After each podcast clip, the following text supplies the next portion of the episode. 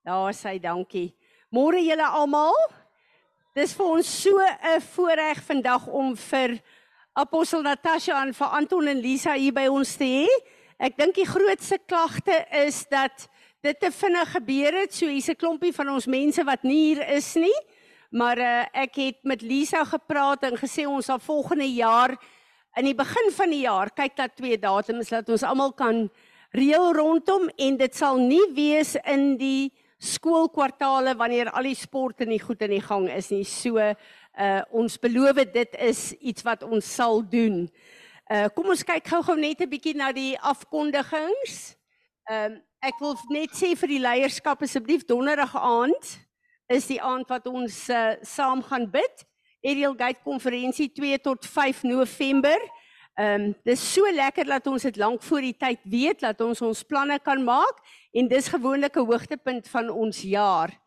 Uh die feestydde, ek is seker apostel Natasha gaan so 'n bietjie praat oor ehm um, Rosh Hashanah. Hoe lank het ons nog? Yom Kippur en Sukkot. En uh so ek gaan nie ingaan op die kennis daarvan nie. En ehm um, ja, ek is baie opgewonde oor dit wat sy ver oggend gaan doen. Ek dink die Here het regtig waar met ons gewerk en gepraat oor ons gedagtes in die hekke en uh dit wat wat uh, selfs gisteroggend gebeur het en woensdagoggend gebeur het is net 'n dieper 'n uh, 'n uh, uh, openbaring daarvan en wat vir my altyd lekker is uh van Ariel Gate ons doen dit in Peres ook wanneer die Here kom met hierdie openbarings dan stop sy en sy sê let's repent En die wonderlike manier wat ons kan engage die hele tyd. Sorry apostle. We are switching over to English. Boertjies, maak vas julle sitplek gordels. This morning is English. and uh, you know one of the things that that uh, we struggle we in the free state struggle with a lot of times is that uh, once we need to switch over to English we feel uncomfortable But when we are watching a movie or TV in English, we are quite fine with that. So let's focus. yeah, it's so amazing. Let's focus. And uh, uh, uh, we are used to speaking in tongues, so switch over to the English tongue, please. Um,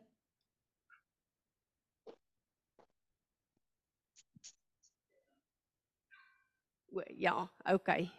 Goed, die Vrydag aand deernag gebed kan ons net afhaal. Uh dit is klaar. Goed, ons sal volgende week gaan ek 'n bietjie daaroor praat en gaan ons net 'n bietjie 'n paar ervarings deel. Kom ons staan en aanbid die Here. Dan wil ek hê ons moet then we are going into a time of worship. Really each and every one of us we are in a corporate worship meeting, but how you connect with God. Remember what Anton said last. The way that we uh, uh, uh, give a platform and a gateway for God is influencing what Apostle Natasha will do today. So I pray that the Lord will really anoint us and that we will be able to worship in a manner that we prepare the platform for the word that needs to land in this day. Amen. Let's stand. Father, Son, and Holy Spirit of God, we just come and bow down in worship this morning, Lord. You are worthy of the worship of our hearts, Lord. We are gathered here to make a proclamation to say that we are uh, we love you, Lord. We are here physically today to say we love you. And Father, as we come, we want to come and worship with all of creation in this day. Lord, and we want to bow down with your angels in heaven, crying out, Holy, holy, holy is the Lord God Almighty, who, who that was, is and will be forevermore. And Father, as we come and we uh, unite with all the choirs uh, on this earth and in heaven, Father, we want to come with one voice and say, There is no one that can be compared with our God. No one can be compared with our God. So, Lord, I pray that you will come through your spirit, that you will hover over this place, that you will do what is the desire of your heart this day, Lord. And Lord, we want to come and say, We are ready. We are a landing place for your word, Lord. And through this worship, we come and say, Be exalted, be exalted. Amen. Let's go into worship. Amen. Ek het nou nie ver oggend môre gesê vir al die Zoom ouens nie. Welkom vir julle almal. Ons uh, is bly dat julle saam met ons hier is en is altyd vir ons 'n vreugde om te weet en die ehm uh, uh, boodskappe terug te kry van ehm um, hoe julle ervaar wat ons ervaar. Seems like there's a problem again with the electricity with the Zoom. Yeah, I think it's Okay, generate and you just uh okay, ons het oorgeskakel na na krag toe so ons sal nou daar wees, maar uh ek sal weer vir hulle welkom sê 'n bietjie later. But uh, I think I want Apostle Natasha now to come. I'm so excited for what God's going to do through her this morning. And uh, I'm so ready to just continue to, to receive. I just, there's a few people that uh, do not know Apostle Natasha. So I just want to come and say that in a season years ago, is it, um, uh, uh how many years ago? 15, 16 years ago that we are walking together already. I was in a season where I was not welcome anywhere. And I was just so weird. And I felt so lonely and isolated. And uh, the, the people I was connected with, uh, uh, uh they were not in the words. And uh, uh, I really just had such a clash. And I knew that I cannot uh, uh, walk with him any longer. And then God sent her into my life. And what we are experiencing, the fruit of God, the way that He's opening for us, the things that land in this ministry. I want to honor you this morning, Apostle Natasha, because God used you to impart into my life and to unlock such a lot of things in my life, and I really just honor you and appreciate you. And I love you so much, and I am really excited for next year where the new people, most of them are not here today, in, in uh, Perez, will um, sit under the same anointing. So you are so welcome in this house, and this is your house. You can do whatever God wants you to do. Thank you for coming. Okay, so shall we have ice cream and jelly tots? No, you said what I feel like. Eh? All right, so here we go. I'm going to put this somewhere else. Can I do that? I'm just going to put this over here. So I don't have to fiddle with it up here. So, hi everybody. It's so good to be here. And this church looks so new and all these familiar faces. Thank you for greeting me, some of you came up to me. It's great that you made the effort. Um, we've been in a series of teachings at home. Uh, we've got, been going through the Old Testament quite rigor, rigorously, meaning we're looking at every word and we're looking at every every little thing we can pull out and sucking the marrow out the bone, literally. Um, but this is an incredible time. Um, I suddenly came I wasn't coming until Thursday, and then I, yeah, there it was, you know. And um, uh, your uh, pastor, Francie, of course, says to me, You better come before the end of the year. We haven't seen you all year. So I said, Well, okay, because we're going to do all these feasts, and I'm going to be teaching full time.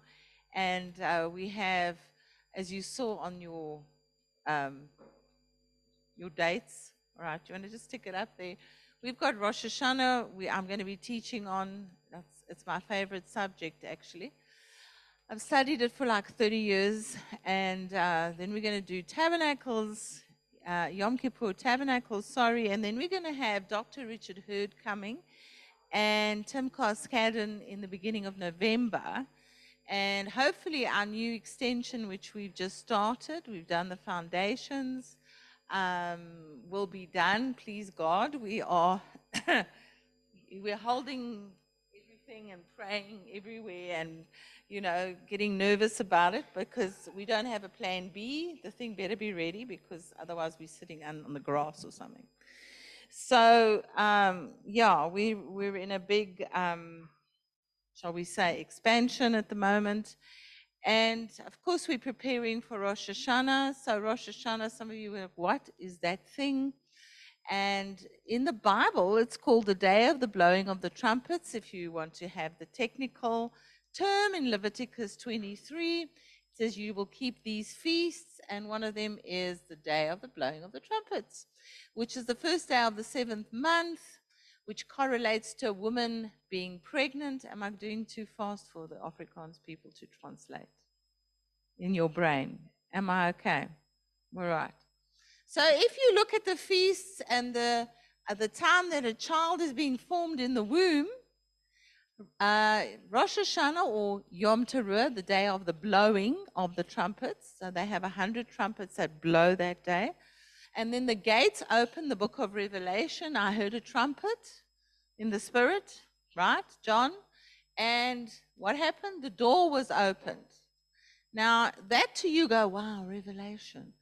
Sure, that's something new. No, that's something really old.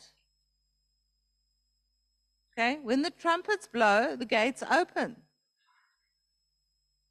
Open to me the gates of righteousness. Okay, it's a psalm. So, I mean, you have got to take something that starts in the Old Testament and bring it right through to Revelation to understand it in context and, and what it's going to mean for you. So, if you still see boxes and you can't, you don't have a flow or a thread that you can pull, you're not getting it. Okay. So let's go again. You know that, that Jesus is, was born a Jew? Anybody? Yes. And you know we're getting married to a Jewish, we're getting married to a Jewish fiance. You know we're fianced right now. We're in, in engagement. Anybody with me? Do you know the Last Supper was an engagement feast? It was. We're getting married. Book of Revelations is about the marriage. It's always been about the marriage. Somebody here. Jesus starts his ministry at the wedding at Canaan. It's about a wedding, it's about a marriage. Okay. So if you were getting married in the real life today in Johannesburg, South Africa, for me, to a Jewish person, don't you think you would want to know something about them, sort of the family and, you know? You know, every time you say Abraham's blessings are mine, he was a Jew, by the way. Actually, he was called a Hebrew. Actually, that's the reason men should make coffee. He brews coffee. I mean, he brews. Okay. But actually, okay. No, seriously, the first time the word Hebrew happens is in Genesis 14, and it meant what? In the Hebrew, if you look up the word Hebrew, it means the one who crossed over. He left his father's house, he left the culture he was in. Leave your country, leave your home, go to the land that I promised. Remember that? Genesis 12. So, guess what? You're marrying a Jewish guy, people. Your bridegroom, are you here yet, is Jewish. So if you don't understand some fundamental things, you're going to think there's some New Testament revelation, and it's not. Okay. And a lot of the times, apparently, Jesus quotes 66 times from the book of Isaiah, just Isaiah, uh, in the New Testament. So there's a lot of references you're quoting, and you think, no, it's got nothing to do with the Old Testament if you took the Old Testament out, you would have nothing to quote. Okay, so um, I just want to go into Rosh Hashanah, but it doesn't help me to go there without doing an intro for people who've never heard me on this ever in their whole life and are going, What is this thing?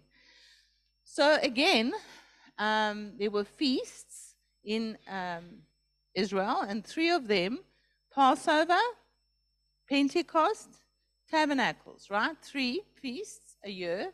And all Jewish men were supposed to go up to Jerusalem to keep this feast, to bless their families, get rain on their fields. Sure, that means something to you guys here, right? Especially tabernacles. If you didn't go up to the feast, no rain. Okay, big deal. I, you know, Francie and I have been chatting over this thing, and I've been here more than once to speak to everybody who's interested in rain. more than once doing conferences on that theme because that's that was it and it's going to happen in the millennium we're going to keep this feast says zechariah in the millennium by the way. So this is not finished in the old testament. It continues because jesus of course has to die on a feast. Yes? He has to die on passover which prophesies his coming. We just had one of uh, the guys in our church in Joburg die, and his name was Alan, and he was really an Orthodox Jew. And I did his funeral in the NG Kerk. Emmanuel, what? Benjamin. Yeah, jy glo? Benjamin, Benjamin. So NG Kerk Benjamin and Benoni. he married Trudy, and Trudy prayed, she said, I need a husband who's going to go to church with me. So guess where she was going to church? In Kerk. So she goes to Kerk with her new Jewish husband, and he hears Passover being preached by the NG Dominee, and he gets saved. Because he understands the Messiah and Passover connection. Okay, so you want to tell me you want to write off the Kerk? Don't write them off. Because you're not getting it. You know, God is not interested in your title or your whatever, He's interested in your heart. So here I am in the NG Kerk in Benoni, Benjamin, and she asked me to come and do this funeral. I'm like, Jesus loves me. I'm going to do a Jewish man's funeral in an NG Kerk with, in, uh, that's Afrikaans with Ariel Gate flavor this is going to be very interesting. It was a very interesting funeral. I'm telling you, if you can still go see it on YouTube, it was very interesting because now I'm going to incorporate Jewish prayers and all of this. So he had 17 first cousins. So praise the Lord. I'm like, okay, I know there is a prayer called the Kaddish, which is the Jewish prayer for the dead. And I know I'm going to say this thing. So I've got to now honor this guy and I've got to do this thing. But I was, ama- I was amazed. So I said to um, Trudy, because now I'm really worried now, there's all these Jewish people are going to show up and I'm going to be praying Jewish stuff. And, you know, with my accent, who knows if it's going to work or not. And I'm a bit worried, you know, about it. So I said, look, you know, let the, the Dominee start, you know, and do his uh, prayer and finish, and I'll do the middle section and whatever. So it actually worked out very well. I said, do you have any Jewish people? No, I just know about his daughter that's coming and one of his cousins is going to say something. So I think, okay, great, there's only one person. Apparently, there was a whole row of them. Thank God I didn't know because this church was full. And we went through all these Jewish prayers, and I'm leading Jewish prayers, I'm telling you. And the prayer for the dead has got nothing about death in it. It's all exalted and magnified be the Most High God. That's the whole prayer. The whole prayer is a praise. There's nothing about death. And you know what? People came to me after that funeral and came to Trudy after that funeral and said, I can't believe that kind of prayer. That was the most amazing funeral I've ever been to. Because it had more stuff about praising God than talking about death. Really, it was amazing. And um, you could feel the anointing on it. So thank God. Afterwards, the 17 cousins all um, kind of said hi to me after the, it, by cookery and the tea and the coffee and the wat ook al. And um, I'm like, oh, was it okay? No, it was, it was okay. It was fine. As long as it was respectful, I'm like, thank God. I didn't know you were there. But it's just, just interesting to me because I'm, I've been sort of thinking about the fact that we're marrying a Jewish man. And, and they come with a history.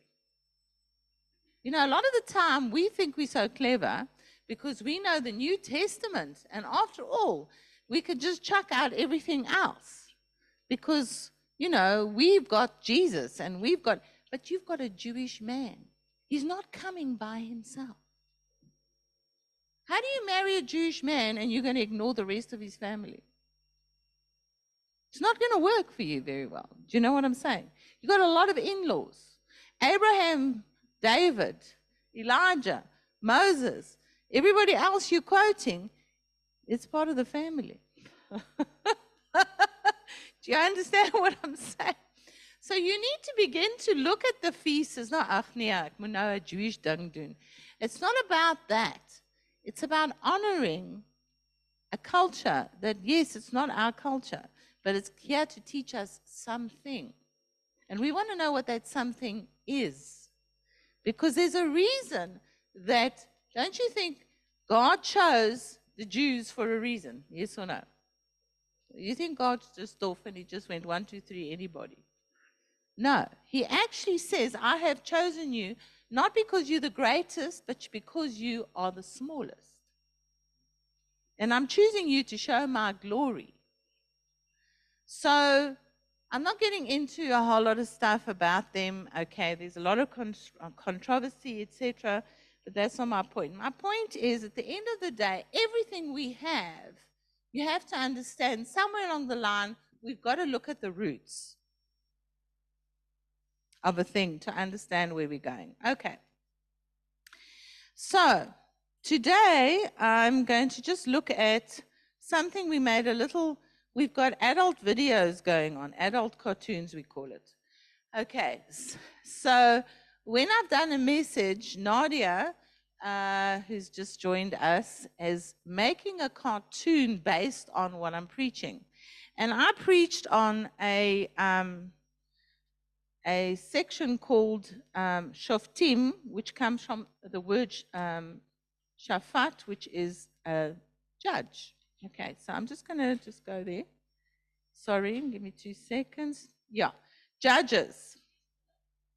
So you understand the Lord is a judge, Genesis 16, 15. The Lord is a judge.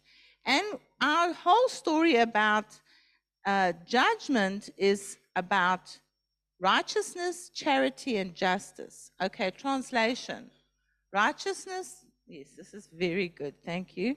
Say in Afrikaans, he's going to love me. He is going to love me. I can just tell. What is righteousness in Afrikaans? This is a big word, so we need a translate. Okay, otherwise, give it to Francie. Okay, righteousness. Battery is dead. Rechtvaardigheid. Charity. Liefdadigheid, justice. Gerechtigheid. Okay, get up. Right, so basically, um, we have to have righteous judgment or righteous laws. Um, and one of the laws that Jesus, when, when they asked him, What laws are you going to keep? You know, what is the most important law? What does Jesus say? Love your neighbor as yourself.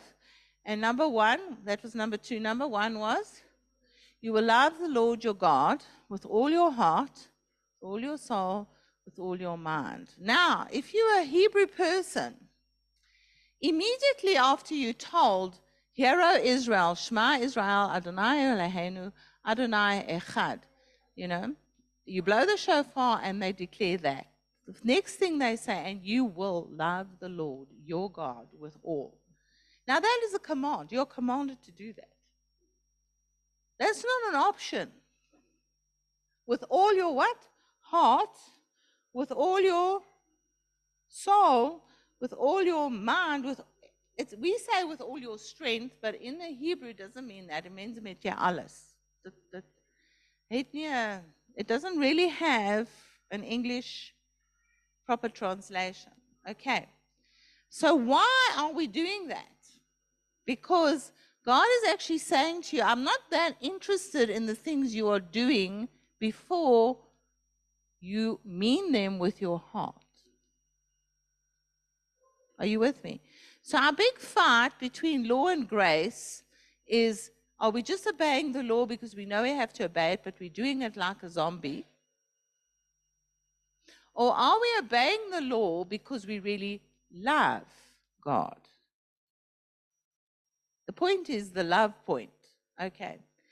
So we've been looking at a whole bunch of scriptures, and as I said, we looked at this this thing for judges. So now so far you're going, it's got nothing whatsoever to do with me. Okay. So Shoftim basically says, Thou will appoint judges at thy gates. And believe me, I do not have the scripture up here. I can't believe Okay, we're going to have it. It's going to come up in our little cartoon in a second. And um, it actually is saying you appoint judges. Now, it sounds like you're going to appoint judges for Bothaville. Do you have judges and police officers connected to your city? Yes, you should have. How are you going to run a municipality without any administration? You have to have judges and you have to have police. Okay. So it says, yeah, Deuteronomy 16, 18, you shall appoint judges and officers in all your gates. Okay, that's what I needed. Judges 16, thank you very much, guys at the back, for helping me. Sorry. Deuteronomy, okay, let me go there. Deuteronomy 16, and it's verse 18. Yeah. Judges and officers shall thou make thee in all thy gates. So it sounds like that's for Israel, that's for them, that's doesn't count. No, you have gates. Okay? Hello? These two things are gates called seeing gates. Part of your five senses. So every part of your five senses is a gate. And you're going to hear in the Psalms, David say, I put a guard on my eyes, I put a guard on my mouth. I'm keeping those gates shut. So there's an understanding in uh, the Old Testament that gates are not just physical, but they are on you. Because you are like yourself a city. And when you're offended a man, it's like closing the gates to the city that that man is in charge of. Is it making sense? Okay. So let's just look at this for a second. It's like not even, it's a minute or so. Deuteronomy 16, verse 18. You shall appoint judges and officers in all your gates, which the Lord your God gives you, according to your tribes, and they shall judge the people with righteous judgment.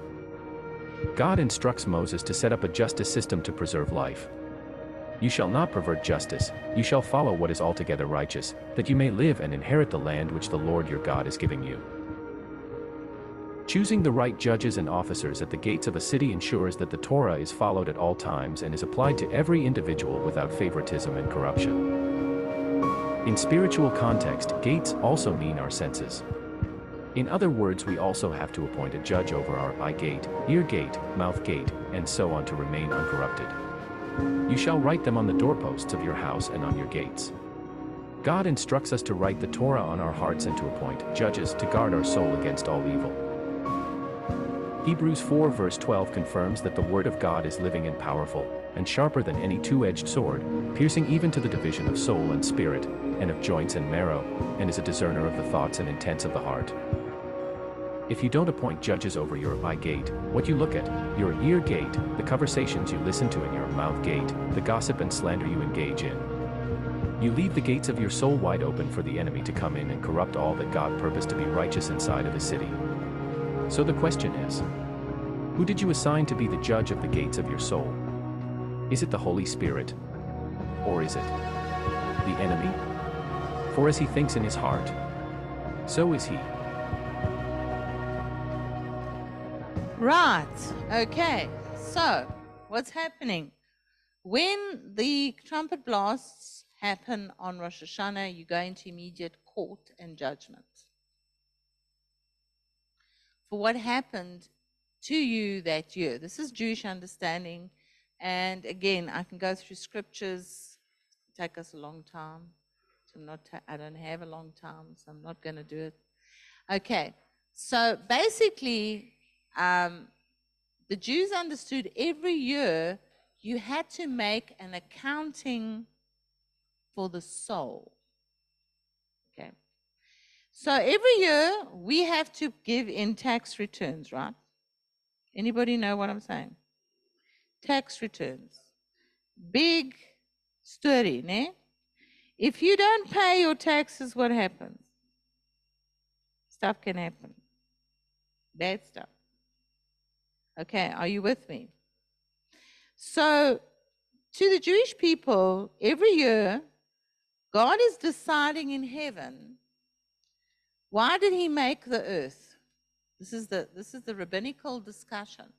Was it even worth making man? And he puts himself on trial, apparently.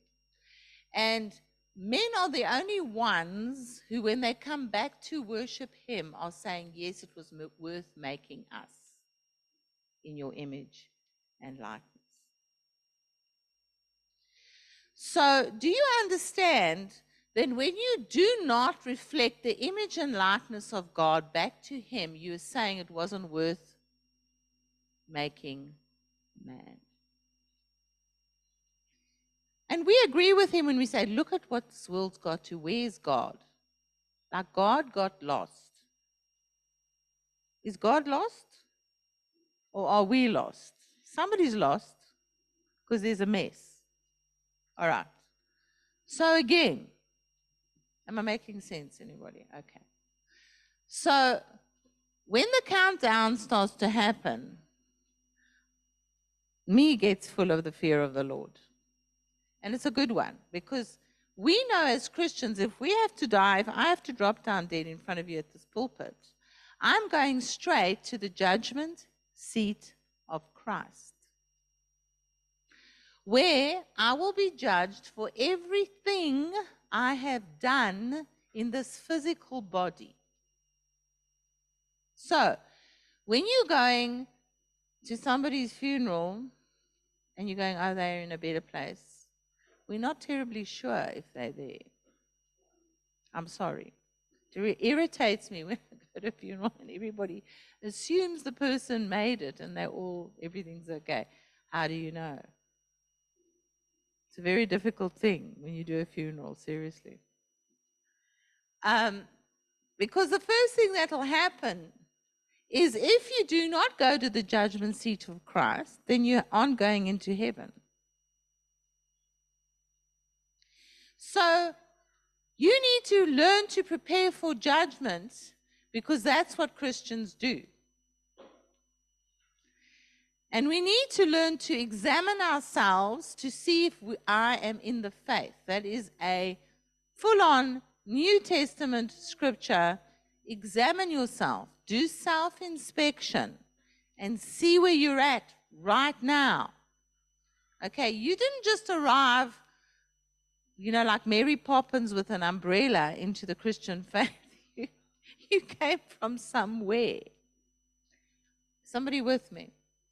So, this is the time we do introspection. This is the time where there's an accounting of the books. Just like every year, the tax department wants their money. Anybody knows SARS has inspectors?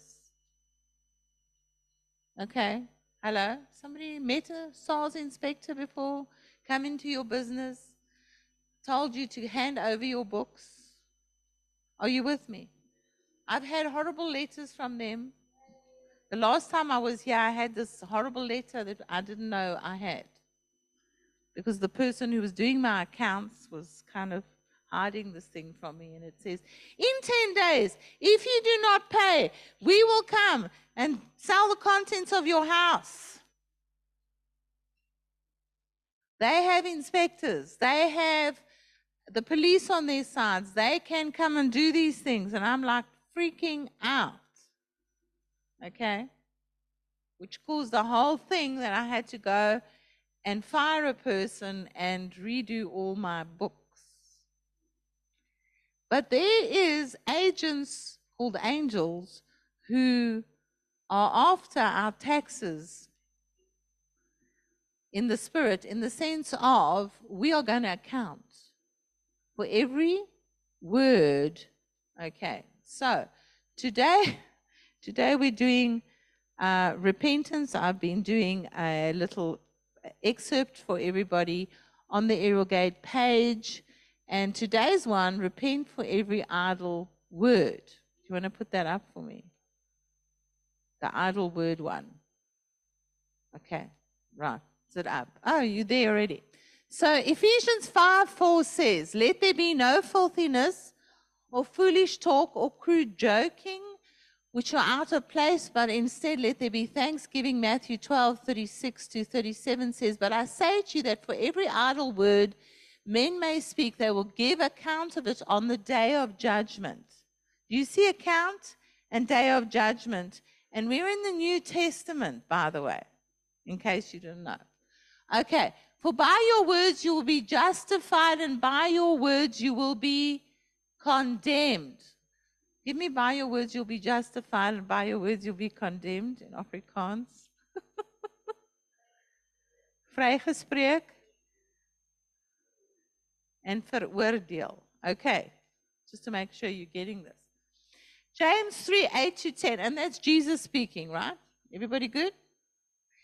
But no human being can tame the tongue. It's a restless evil full of deadly poison. with it we bless our Lord and Father, and with it we curse people who are made in the likeness of God. For the same mouth, from the same mouth come blessing and cursing. My brothers, these things ought not to be so. Okay. So here you have a discussion, and Jesus is leading this discussion, explaining to you that at judgment, because there's going to be one, okay? You are going to explain every word that came out of your mouth. Anybody here had words come out of their mouth they wished they could pull back? Anybody? Let's stand up and repent. It's a good place. This is a quick quickie. Every time you get convicted of the Holy Spirit, respond. If you do not respond and you keep pushing it away, you know what happens? You're going to become a zombie. And you're not going to. Okay, so do you want to repent? in Afrikaans? okay. Anton, jy het gepreek in Afrikaans hierso, né? Jy kan dit doen. so Vader, ons kom vandag na U toe en sê Vader, ons is skuldig aan elke liewe woord wat vandag gesê word hier vandag. Vader, ons weet in ons harte en in ons gedagtes het ons negatiewe woorde teen mense gesê. Ons het dood oor mense gespreek. Ons het actually te mense geskinder, ehm um, gegossip, Vader, want dit is wat ons doen. Dit is dis ons natuur, Vader. En Vader, ons is skuldig aan elke liewe woord wat hier gesê word vandag. En Vader, ek kom voor U vandag en ek sê ek skuldig. En Vader, ehm um, ek ek verdien nie u vergifnis vandag nie, maar ek vra vergifnis vandag, Vader, vir elke liewe woord wat ek gespreek het, Vader, waar ek mense sleg gesê het, waar ek nie gehou het van 'n persoon en ek probeer 'n beter posisie kry, Vader, en ek praat negatief teenoor hulle. Ek vertel al die negatiewe goeters en ek ek ek openbaar die slegte dinge van mense. So Vader, ek vra u vergifnis vandag, Vader, want my tong was actually 'n oordeels swaard gewees vir daai persoon doodgesteek het met my woorde Vader. En ek kom na U toe en ek vra Vader vergewe my. Vader sê stuur U vuur oor my tong vandag en laat U vuur op my tong brand Vader.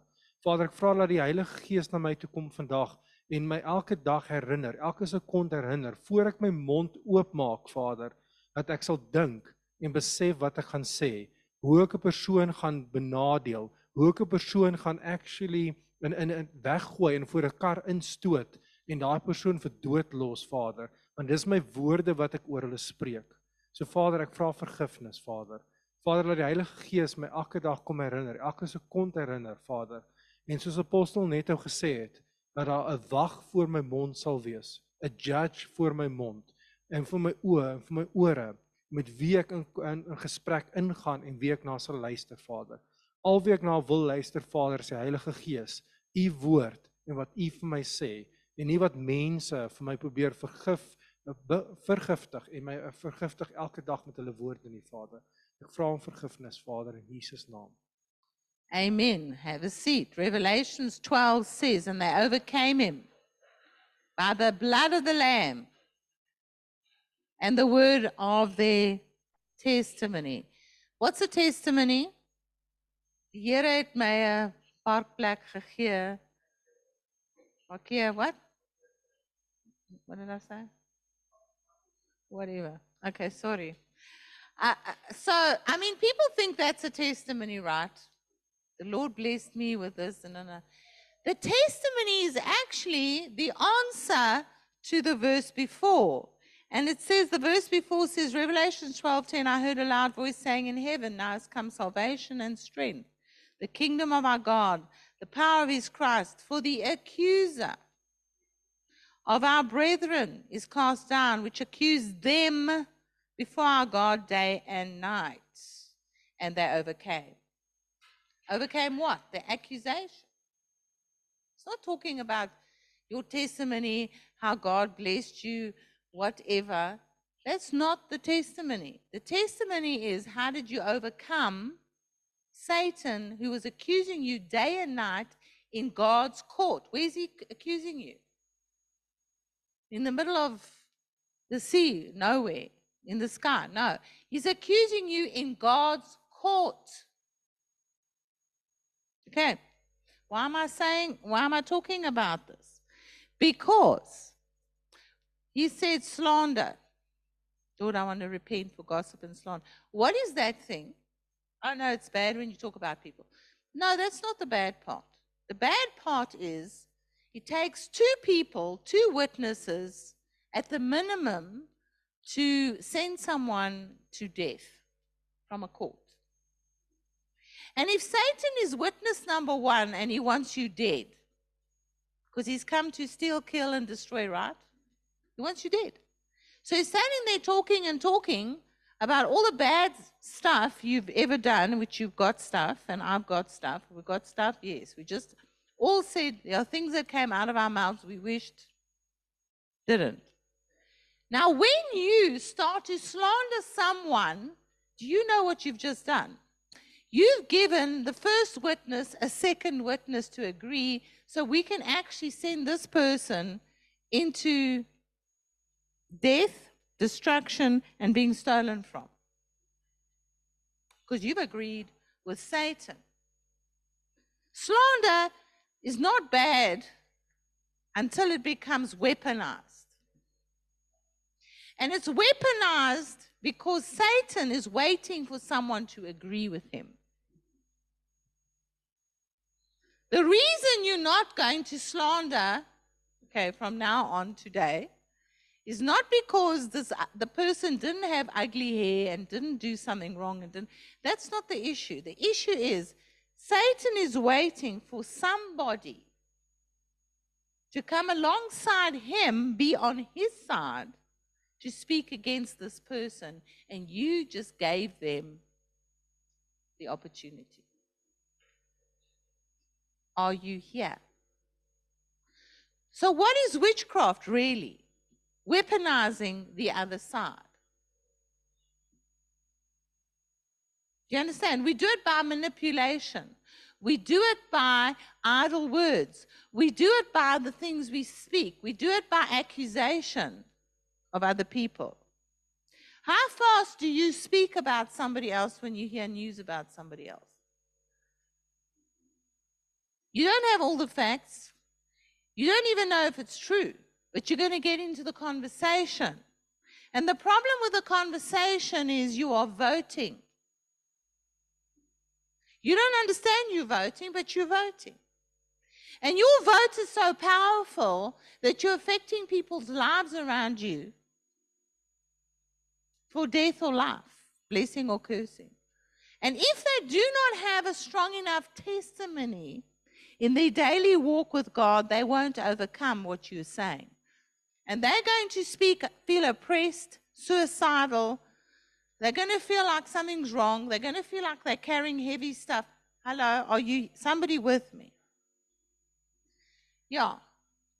Okay. Black people, we understand this and we just add a sangoma to that and finish. Okay. White people, just keep on talking, you're doing the same thing. Is hier? So basically, Satan himself is standing day and night, Revelation saying, accusing you. Just needs somebody to come up with an opinion that looks anything like what he's saying. And they've got a deal. Are you here yet? The reason you don't open your mouth too much about other people is because you don't want to give Satan fuel. Okay. Dis iemand hierso. Is ons okay? Right. So how are we going to stop doing that is we're going to put a guard at our gate of our mouth. So if you looked at that scripture, what was that scripture that was up there? Thank you. I'm glad somebody's with me. Deuteronomy 16, 18. It's very interesting scripture. Because you're going to read that scripture and go, that is Old Testament, it's got nothing to do with me. You just missed a whole lot of stuff. Because what it's saying is judges and officers shall you appoint in all your gates, right? What's a gate in Hebrew? A gate in Hebrew is sha'ar. Can you remember that? Sha'ar. And gates, plural, are she'arim. Okay, never mind. But if you just remember the word sha'ar, okay? So a gate is a sha'ar, right? And it means opening the door on the gate on the city or wherever, coming from this word, another word, sha'ar, to think. Anybody here yet? To think. So, have you heard this little proverb scripture that says, we had it up just now in the, in the cartoon? Proverbs 23 6, 17, whatever. Okay. Right, let's just go there for a remember. Remember that little nice thing that says, as a man thinks? Remember the word thinks comes from the word sha'ar, which is a gate. Let's go there. Okay, Proverbs, let's go. How much? 23, 17. And it says, no, it's not. Essie, near. What's my scripture? 7, 23 7. Okay. So it says, For as he thinks in his heart, so is he. I'm going to read it to you in the Hebrew. As he sha'ars in his heart, so is he. What's it say? As you are, how's your conversation right now? You're having a long conversation while I'm talking, you talking. You know that. You thinking in your mind right now, and you, is this far? Is it the Bible? Right Dis dit daar, staan dit daar. You're having this whole conversation right now. Is that really the Hebrew? Okay, what am I going to do with that? Can I ignore that? Can't I ignore that? That's what's going on right now. You're having a whole conversation in your heart right now. Ne? Your, your, your mouth is not moving, but your conversation is on. You're thinking, you're listening, you're discerning, right? Do you know that William Branham said that in heaven, God is listening more to your unsaid speech than your mouth speech. So when you're saying, Oh, Natasha, nice to see you, but your heart is saying, toch, moet sy hier wees. You might have fooled me, but you didn't fool the spirit realm. Hulle het jou gehoor. Hulle het neergeskryf and is going to your next court session, which is happening right now in front of God. So let me go again. There is a conversation happening continually on the inside of you as you're thinking. Because you're deciding if this is true, I have to open the gate to this thought. The minute I open the gate to this thought that she's presenting from the pulpit, I'm going down a path.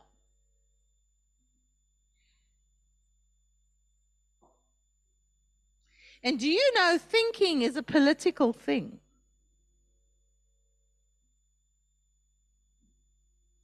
It's a political thing. It also decides who you are.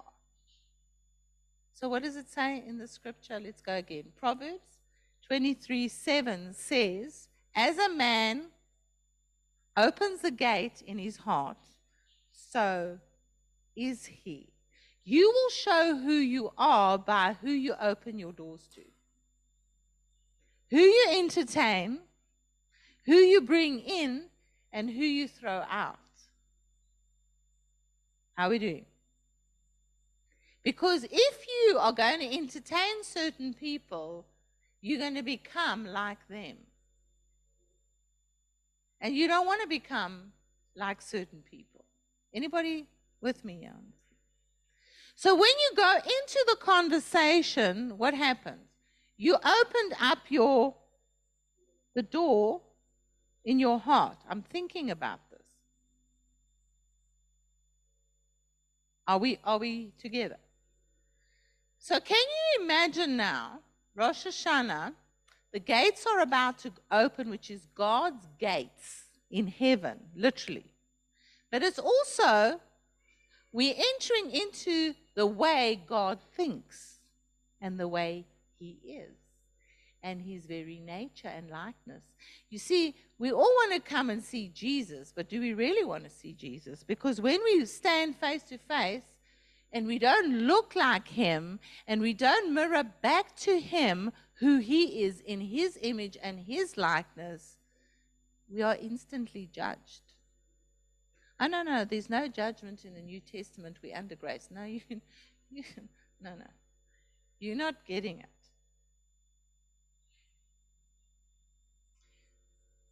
So I'm going to say this again.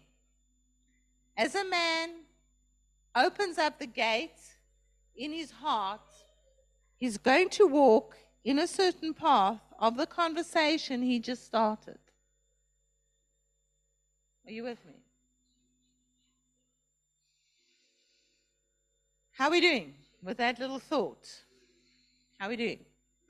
So you've got to order your conversation correctly before you even speak. Because the conversation didn't start here in your mouth, it started there in your heart and there in your mind. Somebody with me? So if your heart and your mind are not aligned with how the way God thinks, when you walk through His gates with your own presumption, with your own arrogance, with your own pride, how's it going to do? How's it going to go for you? You know that Satan doesn't have to say a thing because you just condemned yourself all by yourself. Congratulations. Really, Satan's there, but he's not making you lose your temper, and he's not making you speak ugly, and he's not making you bitchy, and he's not making you, you know, look at, at a situation and only speak the negative, let's just say. You moving your lips are in the conversation. Prayer is a conversation with God so that we can somehow straighten out some stuff on the inside of us. So we can start to have the conversation with God that is going to be pleasing to Him. Yes. So we can actually end up loving the Lord with all our heart. Because maybe some pieces of your heart is not in love with God, who's a Jewish man. Maybe some parts of your heart are engaged somewhere else.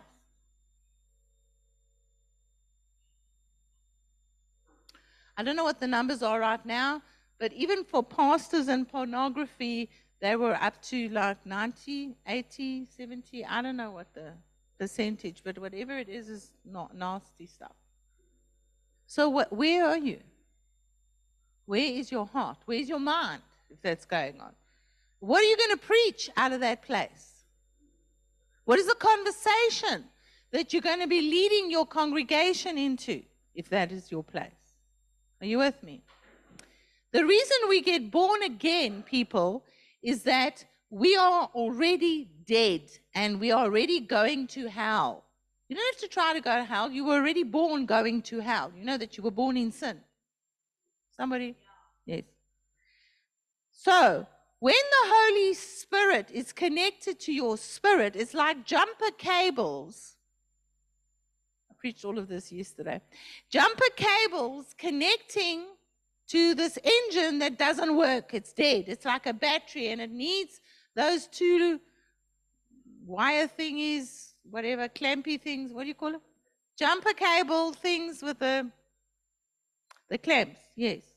So you're clamping on a live running engine. Correct. To get this other thing to spark. Nee. And to get your car to go vur vur a little bit. Want jy is so dood soos 'n mossie, né? Do you understand why people have to go to sangomas and witch doctors? Because they are already dead, but they need spiritual power from the spirit realm. So you go to an altar in the negative, which is already speaking to dead people and ancestors. And so you're actually making yourself double dead. You're speaking to dead people. It's about death.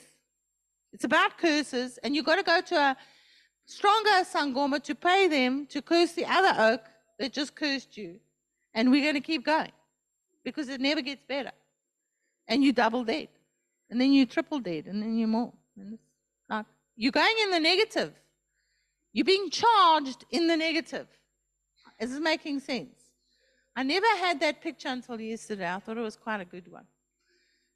So when the Holy Spirit comes into your life to actually give you the power to be born again, etc., because now you have confessed with your mouth and repented and gone, oh, I've just realized I'm dead spiritually. And there is really a God. Wow. I'm awakened now. And wow, I need this God and I need to be saved. Guess what happens? The Holy Spirit puts those clamps on you. And the engine, vur vur, okay, from the other cars happening, right?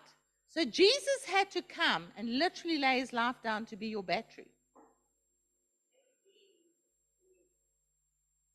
Because without that connection, you would not be born again. Are we all together? But the problem is, that's for your spirit, your soul. You're still swearing, you're still smoking, you're still possibly going to bars, you're still possibly blah, blah, blah. I'm not going through the whole thing, okay? You, but your spirit is born again. No? But your outside, your behavior hasn't changed yet.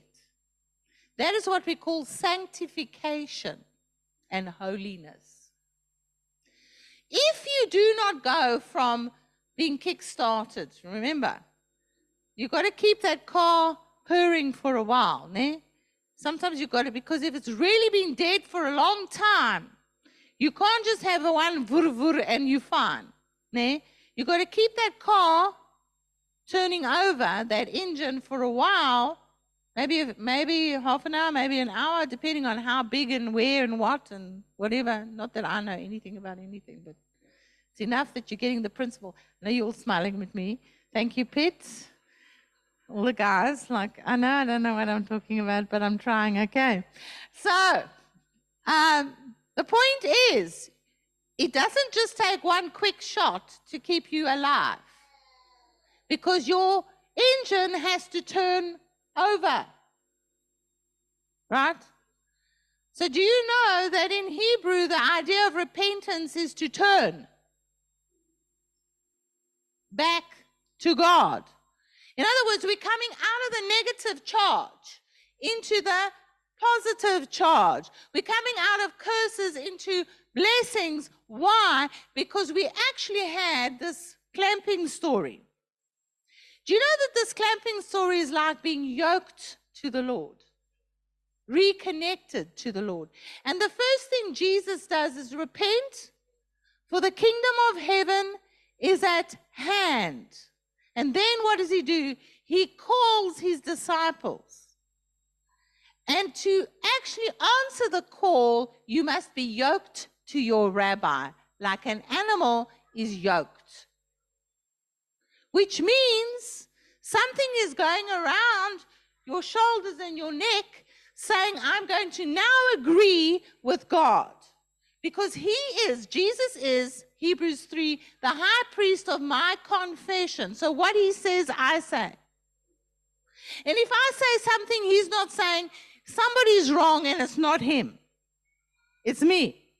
So when I start speaking something he's not speaking, Jesus is not going to agree with anything I say because I'm a Christian and I have grace and I have an anointing and I speak in tongues and I can see some stuff and I can deliver some stuff and I can what, have a word of knowledge here and there, whatever. And when I prayed, some, somebody got healed somewhere. That's great. The point is, maturity is about living a life of holiness. Do you understand that the Jews who wear black look funny to us, right? We make fun of them. But that's the only way they know about being holy. That's the only way they know about setting themselves apart from everybody else and not looking like everybody else and looking like they belong to God. Is this making sense? So if people look at you, do you really look like a child of God or do you have to tell them? Listen, I actually am a child of God in between your beers and the burps. Talk to me. I'm listening. Do you actually have to convince them because you don't look that holy? There needs to be a marker on you that says you belong to God. The last time Dr. Hurd was with us, I was like, really?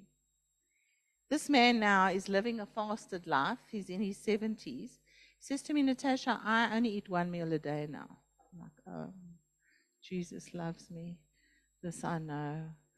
Oh my God. Because I can see my future coming. And my flesh, can you hear my flesh? Oh my God, help me. Because my flesh is going, I don't want to do this. I don't. But I'm looking at my spiritual father. Mm-hmm. This man is making a path before me. Does he have to do it like this?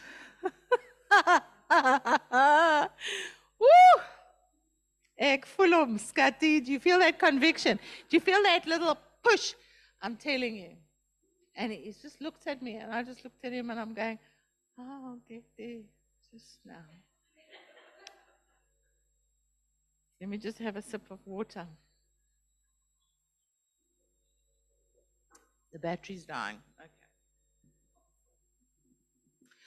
Okay, is this making sense, everybody? We are going to be called to a life of holiness. Sorry. What can I tell you? My flesh is with you. I'm crying with you. Okay? Are you with me? Somewhere along the line, you're going to have to deny yourself, pick up your cross. Sorry, sorry. What can I say? I can feel on my pressure going, Aina, Aina, ow, oh, ow, oh, ow, oh, Aina, ow, ow, Aina. My nephew is 24. The poor guy has had to sit in church with me the whole, his whole life, and all he wants to do right now is party. Where was I at that age? I want to ask where you were. Don't want to know. It's your story. But you know what? If we do not start to understand where we're going, you can't plan. I'm saying to you, every year I preach Rosh Hashanah, going to the court. Giving, it says in the Hebrew, you're going to give an account of your soul. What is your soul? Your mind, your will, your emotions. Every word you ever spoke, everything you ever did. God is going to weigh up according to Jewish thing. This is not about salvation.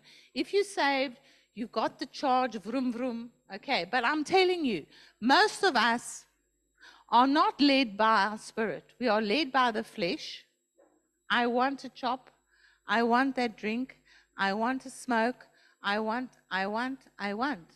Ek wil hê, ek wil hê, ek wil hê. I can smell that brood when I walked in the door. And I am, see, apricot jam. I have visions. Apricot jam, butter, ne?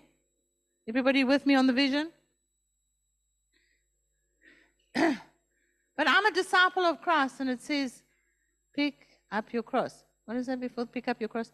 Deny yourself. Deny. What's deny mean? Say no. You can't have the bread today. Nee, nee, jy kan nie dit aan my doen nie, Here. Ah. Dis tannie Sanet se broodjie. Nee, is die beste in die weste en ek kan nie If you cannot say no to your desires, you're being led by your flesh. Your spirit's coming behind. If you can do no to that, then you have the whole soul area. Oh, so beautiful. What are you thinking? What are the pictures you're getting when you see a woman or a man?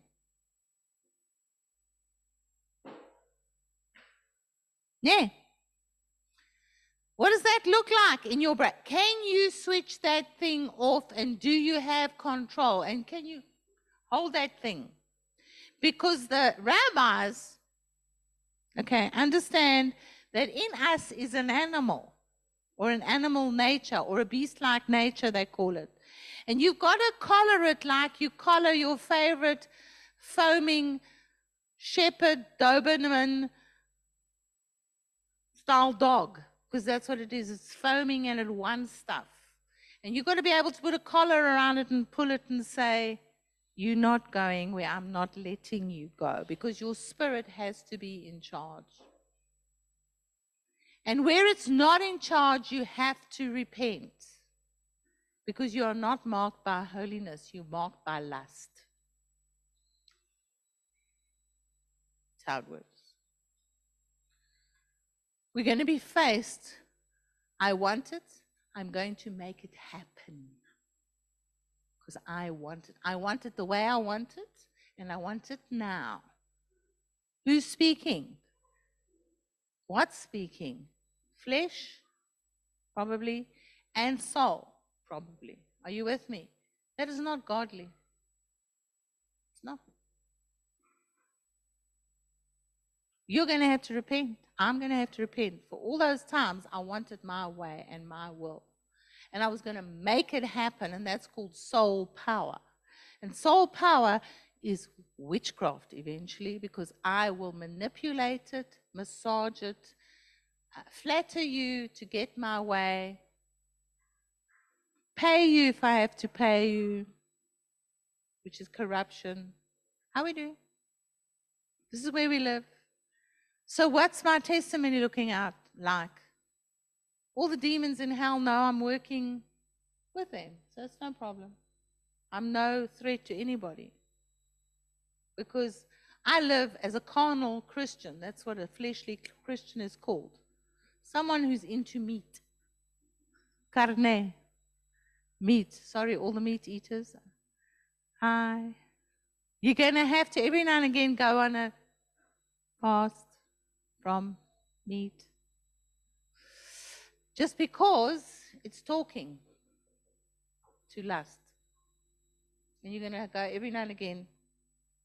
So far, ni. Stop now. You've got to be able to do that. Okay? Discipline means you can stop something and manage something. How are you a disciple of Christ without the self control, discipline? You aren't. There's no self control, and God's going to test you. So you've got self control in this one, we're going to come to this one. Because do you really want to come before the judgment seat of Christ and have no good marks in the exam, ne? for your whole eternal life. We are here growing into maturity because it's about eternity, it's not about escaping hell. You didn't do anything to gain your salvation. You gave nothing to that salvation, right?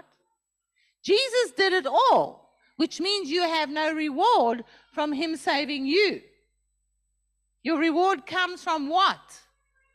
Good works you've done. You don't get saved by good works, you get rewarded for them. But if you do none, you have no reward. How we doing? Nah. Okay.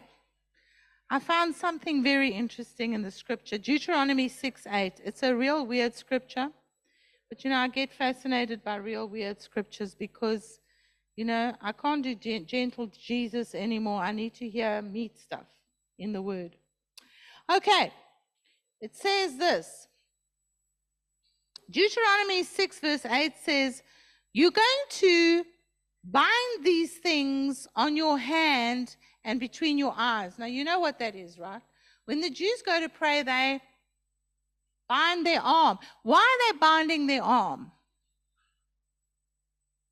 Because they are saying to themselves, I am binding myself to, I will love the Lord my God with all my heart and all my soul. I am binding myself to this, understanding the sacrifice, this altar of God.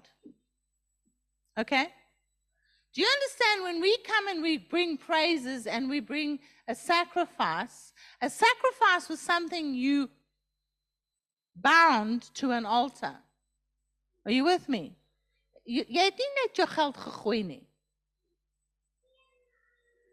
had to bring something that was living, it had to be killed, and then it had to be bound. Ask black people. They go slaughter when they have issues.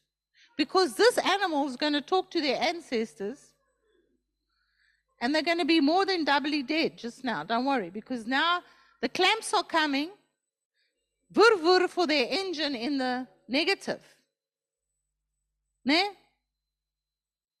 Are you here yet, somebody? When you go to someone who is revving good revs, it means the engine is already happening and yours feels very dead in comparison. So you want a touch. Isn't it? Or you want more understanding or more revelation because that's what they're presenting through the word, which is going to then give you the energy spiritually to do the things you couldn't do up to now. Okay. So what does Jesus do with his disciples? He says to them in John 20, 22, receive the Holy Spirit. And he, that was the revving of the engine. That was them getting their spirit on the inside totally ignited. Are you with me? And then he said, wait, because I need you to get even more of this power. So wait here in the upper room. Remember, 40 days. Very interesting. This Rosh Hashanah is 40 days. It's a countdown because 40 is the number of actually growing something in the womb of a nation. It takes 40 years for Israel to leave Egypt through the desert. So every year, the Jews understand and believe that they are rebirthing something if they will go to deal with all their sins before God and repent before Him on Rosh Hashanah. And I, when I found that out, I was beside myself. That's where the whole court teaching came from. The fact that Satan is the guy who prosecutes, Jesus is your attorney, he speaks for you. But remember, an attorney, Jesus himself, cannot speak for you unless you tell him all your secrets. So, if you've been caught for a murder and there are certain circumstances that happened and you've got to bring your case, if you do not tell your attorney all the stuff, all the stuff, all the stuff, how does he represent you properly? He can't find out in the middle of the court case that Satan has got other information on you that you did not let him know because then he can't prepare to counter. So, your prayer life, hello, part of your prayer life is telling your attorney what you've done wrong so he can speak for you in court. So if you've got no prayer life and you're not really speaking to Jesus, then he can't cover you for what's going on in the court because Satan's there day and night accusing you. And he's just waiting for people who you think are your friends to speak against you, to clap you with that curse. Because you're not speaking to him. How are we doing? Woo, we're going to pray now after the service. Tell God quickly all the stuff.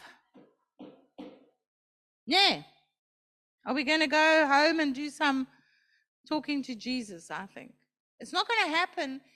Come forward, pray a prayer. No. You've got to speak to your attorney and you need an in, in counsel, long chat to him.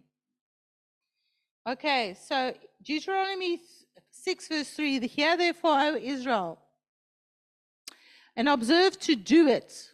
So, all the way through the Bible, it says, Do this so you will have a long life. Honor your parents so it will go well with you, you will have a long life. Obey these laws. Don't steal from your neighbors. Don't mess with their boundary. Don't do this to their animal. I promise you, it's all there. It's very interesting. It's our whole basis of law is based on the Torah. It's quite interesting.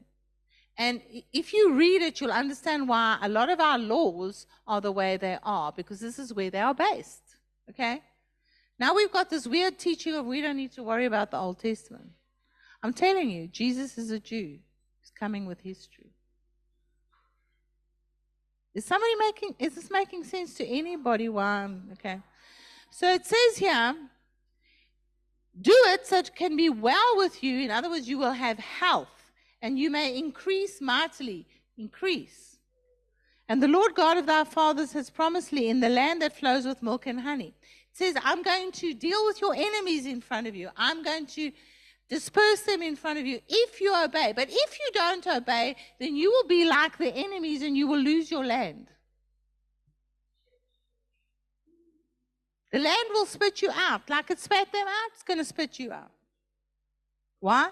Because you didn't obey. Hello?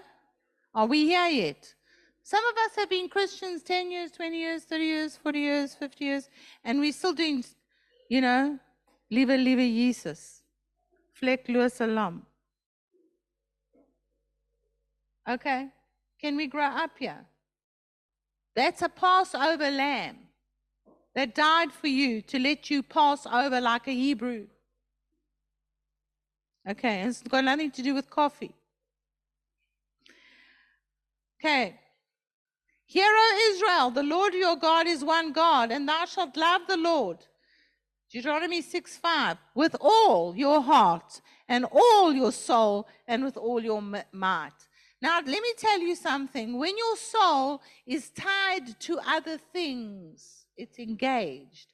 You can't love God with your soul because it's already been given to something else.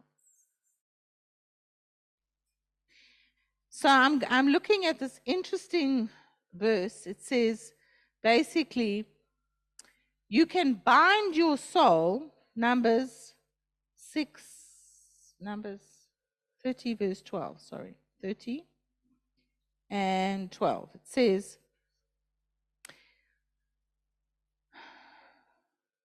talking about a vow um, and, okay. I'm going to go to Numbers 30, verse 2. If a man vows a vow to the Lord or swears an oath to bind his soul with a bond. A bond is a legal obligation or a yoke. So when you swear to do something or promise to do something, and some people go on my mother's life, on my children's life, What are you doing? You're busy binding your soul. What does that mean? Your soul has now got chains and ropes on it. How did that happen? Your own mouth. How many times did you? I swear by. What did you just do? You bound your soul. Okay. Can be a positive if you're binding your soul to the Lord. But if you're binding your soul to anything else, you're in trouble. By the heavens, by the earth, by on my mother's life, on my mother's grave. Somebody with me here? You done that before? It's a problem. Because we do not own the heavens and the earth to bind ourselves to them, so we have no rights to them anyway, so legally. But the point is, Satan will use it against you. Because you need to be yoked right now to Jesus, because we need Jesus to go through these gates. Because if your gate, the way you think, is who you are, then when we enter the gate, that's why Jesus says, I am what? The door. I am the gate. He's the shepherd and the gate to the sheepfold. Is that correct? So when we agree with him, we go through his gate, which means now we've agreed to think the way he thinks, which means then we will talk the way he talks, which means then we will do what he does, and these things shall follow those that believe. In my name, you will. And you will do greater things than I do because why? I'm your gate. Is it making sense? Have we fallen short? We have. I have. Don't know if you have. I have. The end of the day, we have to repent because we've got to get that negative jump start thing from the other side to stop giving us energy. And we have to get the Holy Spirit to re jumpstart us back to where we're supposed to be walking and talking. Is somebody here? Because our citizenship, and in other versions it says our conversation, Philippians 3 22, hopefully I'm right. Okay, Philippians Sorry, I'm coming up with all kinds of stuff here. 3 and 20 says, Philippians 3:20, for our conversation is in heaven. Okay. Our conversation is in heaven. Are you speaking with Jesus every day in conversation? That word there also is translated our citizenship is in heaven because it means conversation and citizenship. So, what if your talk says what city you belong to? I'm going to say it slowly for you. This word says our conversation is in heaven, but other versions say our citizenship is in heaven. So I'm a member of a city because of how I speak. This comes from the Greek city state idea of ecclesia, where people decided who could trade in their city so they would open the gates or close the gates. You, as Bothaville, can decide to have Kentucky Fried Chicken here, or you can have Popeye. Depending on who talks together here in the municipality or whoever gives the license or whatever, you can open or close the door to Pizza Hut, McDonald's, Burger King, whatever. Because you guys are voting by your conversation to have that come in. Because if you really look at this word, this word is politevma, which means community, which comes from the word police, which is the city. And you can hear politics. So I'm going to say this again to you. When you open your gate, you started a conversation. You're voting with heaven or hell. Where are you voting? Are you with me? You're part of a city. Is it the New Jerusalem? Is it somewhere else? Every word that comes out of your mouth is going to be judged because you've got voting authority in the spirit realm. And your mouth is, is condemning people, agreeing with Satan to kill them, to hurt them, to destroy them, to pull apart their business, or not. And what you, re- what you sow, you will certainly, most certainly, reap directly and exactly the way you've done it. We are walking towards a judgment door, guys. There's an accounting of the soul that is going on right now. So in Bothaville, please get ready. According to the Jewish understanding, God is going to decide on Rosh Hashanah who's going to live the next year, 2024, and who's going to die. Anybody been to a lot of funerals lately? It's decided on Rosh Hashanah because God looks at your life and says, I had purposed you for this destiny and you're not living up to it. You're totally ignoring the reason I brought you into this world. Have you ever heard a mother say, I brought you in this world? I'll somewhere take you out. Have you heard that? Sal jou uitvat. Nee? Because you're not listening. Do you know that Rosh Hashanah is God's uitvat time? Are you really doing what God put you here to do so that when, if you die right now, you're on time, you go through the judgment seat of Christ, you're going to receive a reward and you go on into heaven? Or are you going to die with half your garments off, half burnt, half whatever? Well, I hope you make it whichever way. Seriously.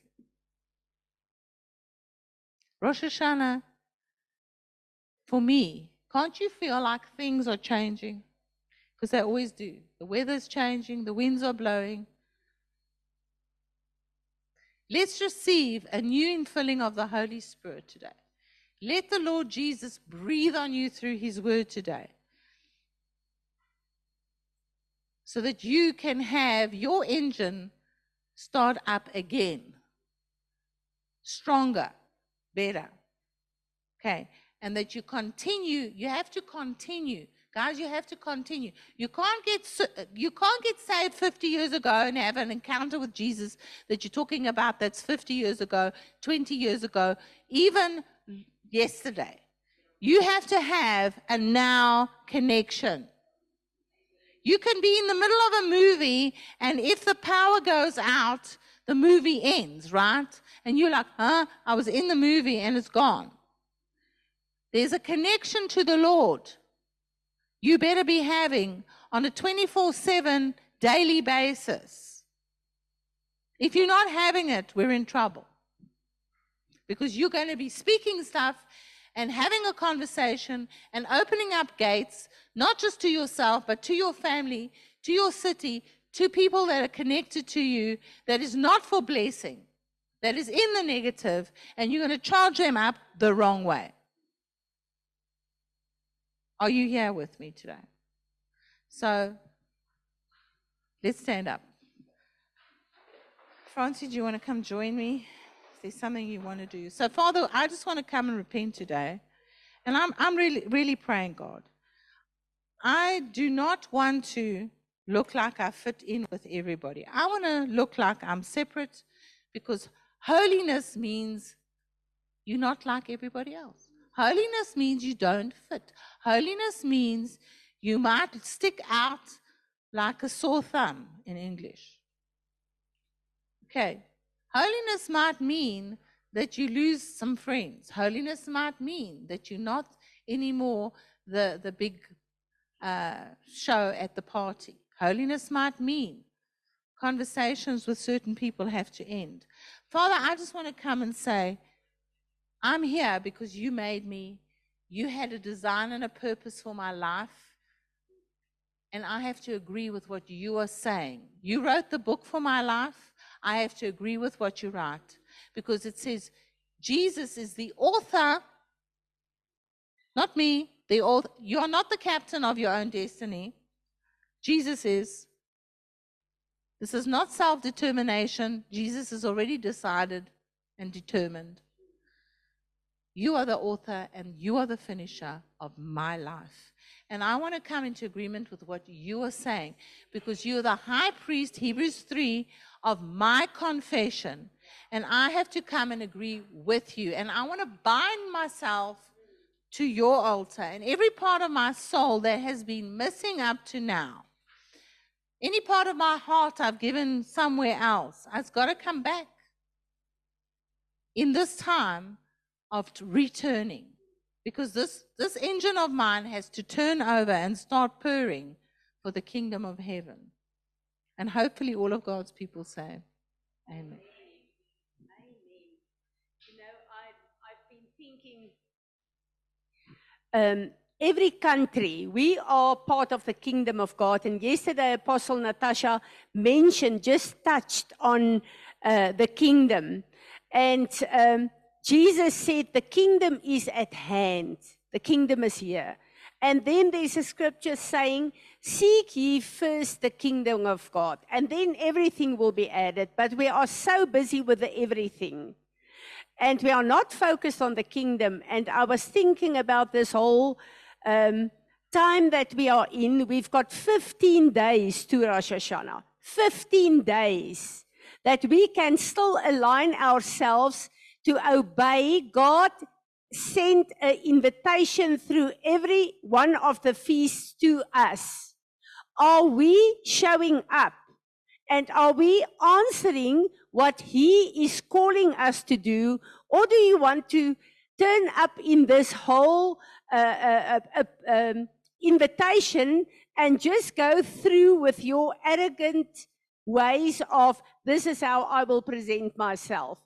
We are invited by God in a certain season to do what is on his heart, to meet the desires of his heart, to look like uh, what Jesus died for. And when we look at the whole state of the, the church of Jesus Christ as we see it on earth, we are missing it. We've got an opportunity every year to meet him to say, Lord, I am in a place where I believe I have repented.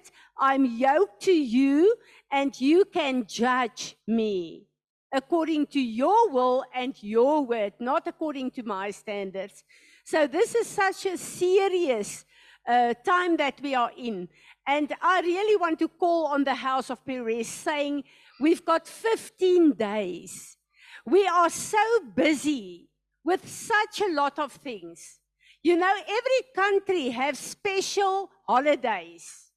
Most of the time to honor certain persons with what happened in that country. We are part of the kingdom of God. These are one of the high days we are moving into. We are citizens of heaven. Are we honoring this call of God the way that He's calling us.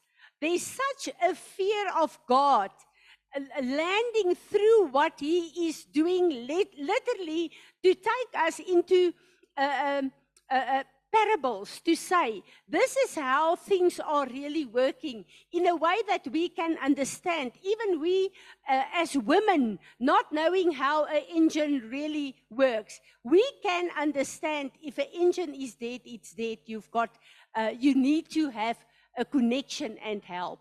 And God is really breaking, breaking down everything in such a way that we can align with that. So, um, these uh, uh, uh, feasts coming up, I know this year I've got a seriousness on me, and I think that there's a lot of people sensing this. This is a year where there's something, something um, uh, uh, uh, not ordinary. We, we are coming and practicing everything, but there's something very serious this year. There's something that, that we are going to step into that I believe we are speaking new season, but there's something totally new. There's doors opening. Apostle Natasha uh, uh, uh, ministered on this. But this year, we will see it in our everyday lifestyle. Things are going to change. Is there any visions, anything, Anton? Let's take a seat.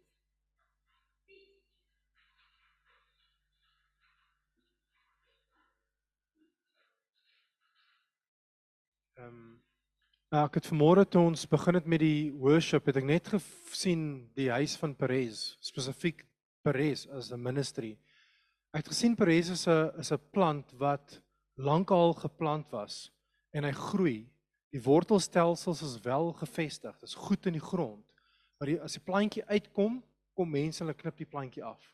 Hulle knip die plantjie af.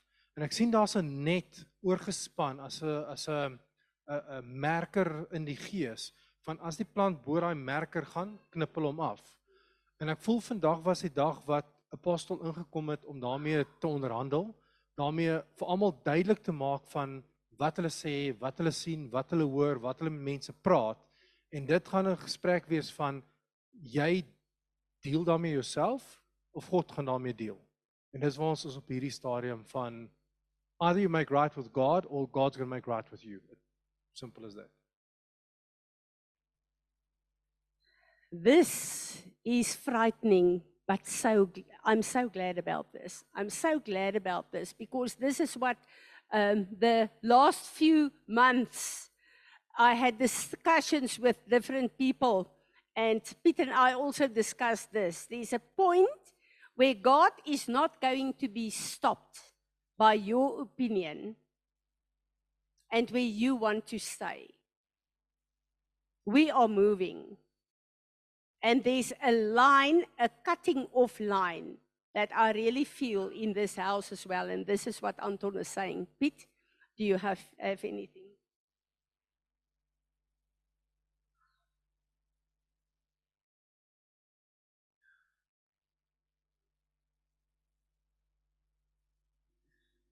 van vanoggend af sien ek, jy weet hoe ons almal in die kerk inloop en ons het klewe aan.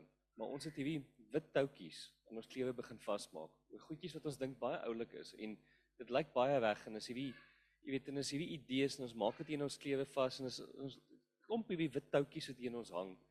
Maar die probleem is om werklik in die koninkryk van God in te gaan en werklik in daai koninkryk te lewe is ons so verstrik, hierdie toue is so verstrik in die wêreld en dit hou ons so terug in ons kan eintlik nie meer beweeg nie want hierdie goed daar kan alles vas hier rondom ons. En ek sien daar lê 'n skou, maar dis ons keuse of ons hierdie goed gaan afklip. En ek hoor hierdie skrif skrif die hele tyd, jy weet, soek hulle eers die koninkryk van God. Maar hierdie toue maak dat ons dit nie eintlik regtig kan doen nie want dit dit verhoed ons om werklik, jy weet, te gaan soek wat is die koninkryk van God. Yeah. And I really think that what Peter's saying is that we are, if you really seek God in this time, God is going to give you a new revelation of what the kingdom of God means for your everyday life. Because there's a lot of opinions that we all have about the kingdom of God, and it's not united to God's opinion of what is important to him. So, yes, I am looking forward to Rosh Hashanah, but especially to Yom Kippur. I feel there's something special connected to Yom Kippur this year. And then when we celebrate Sukkot, and you know that there's a lot of, of uh, rabbis, uh, rabbis saying that uh, this is the time that Jesus could come. So uh, maybe if it's there this year, or Rosh Hashanah, the blowing of the trumpets, um, maybe this year, if it's this year, are you ready? Not are we ready, are you ready? So we have, by the grace of God, a time and the Word of God and the powerful connection of the Holy Spirit to make sure that we are in the place where God wants us to be. Not where you want to be, where God wants you to be. Amen. Um, who's doing the communion bit? Anton, we are looking forward to the communion. You know, every time, every time when we. Jesus loves you. Jesus loves you. You know, every time we have the privilege to celebrate the communion together. To me, it's such a place of shoo. Thank you that I'm connected, that I am in a covenant with God.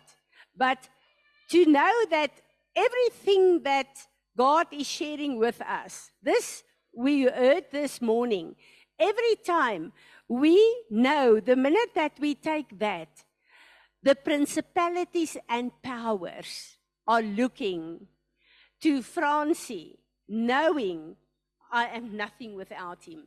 But when I take this and I stand with boldness, I know we have got a power source that we are connected to. So let's celebrate that.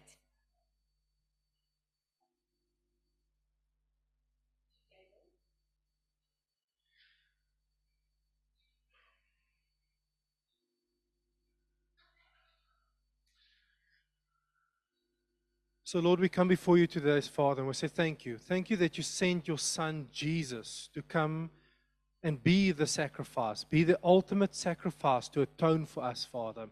Father, where we just heard this morning, where we are guilty, shameful sinners, Father, our speech, what we say, how we kill people with our mouths, Father, how we take part of the conversations and actually accuse people, saying, agreeing with what's being said, Father. Jesus came to be the atonement, Father. And we thank you for his broken body, which is this bread, Father.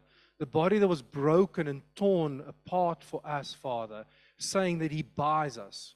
And this is the money he paid, his fleshly body, to buy me, a shameful sinner, to say, I'm part of the kingdom of heaven. And Father, thank you today we can find and heard through the message we are part of the kingdom of heaven. But through our speech, we decide if we reject that or we accept that. And I'm here this morning to say thank you for your body, Jesus. Thank you for the body of the slain lamb that he bought me. And I want to confess today, the confession of my word today is that I'm part of this kingdom through his body, through his death, through his burial, and his resurrection, Father. And we one with Jesus through that, Father. And Father, same with the blood. The blood that was dripping off the cross as Jesus was hanging there, the blood was dripping, atoning us, buying us, covering us.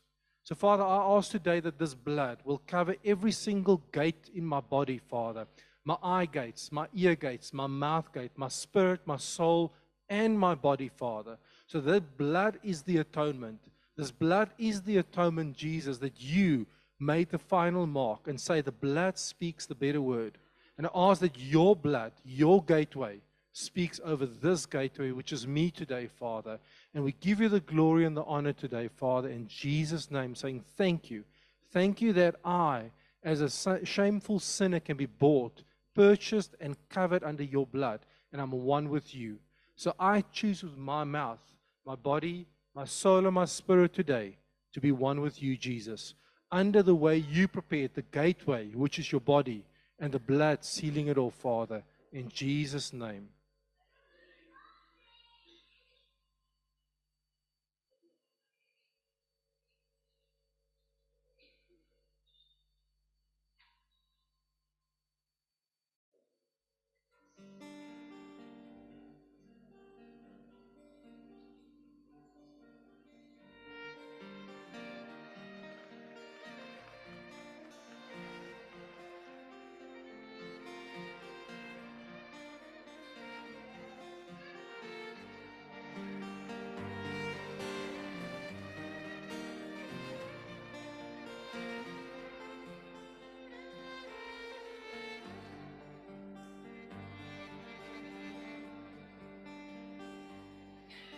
נחלה רוח ונחלה רוח ונחלה רוח רוח השם ונחלה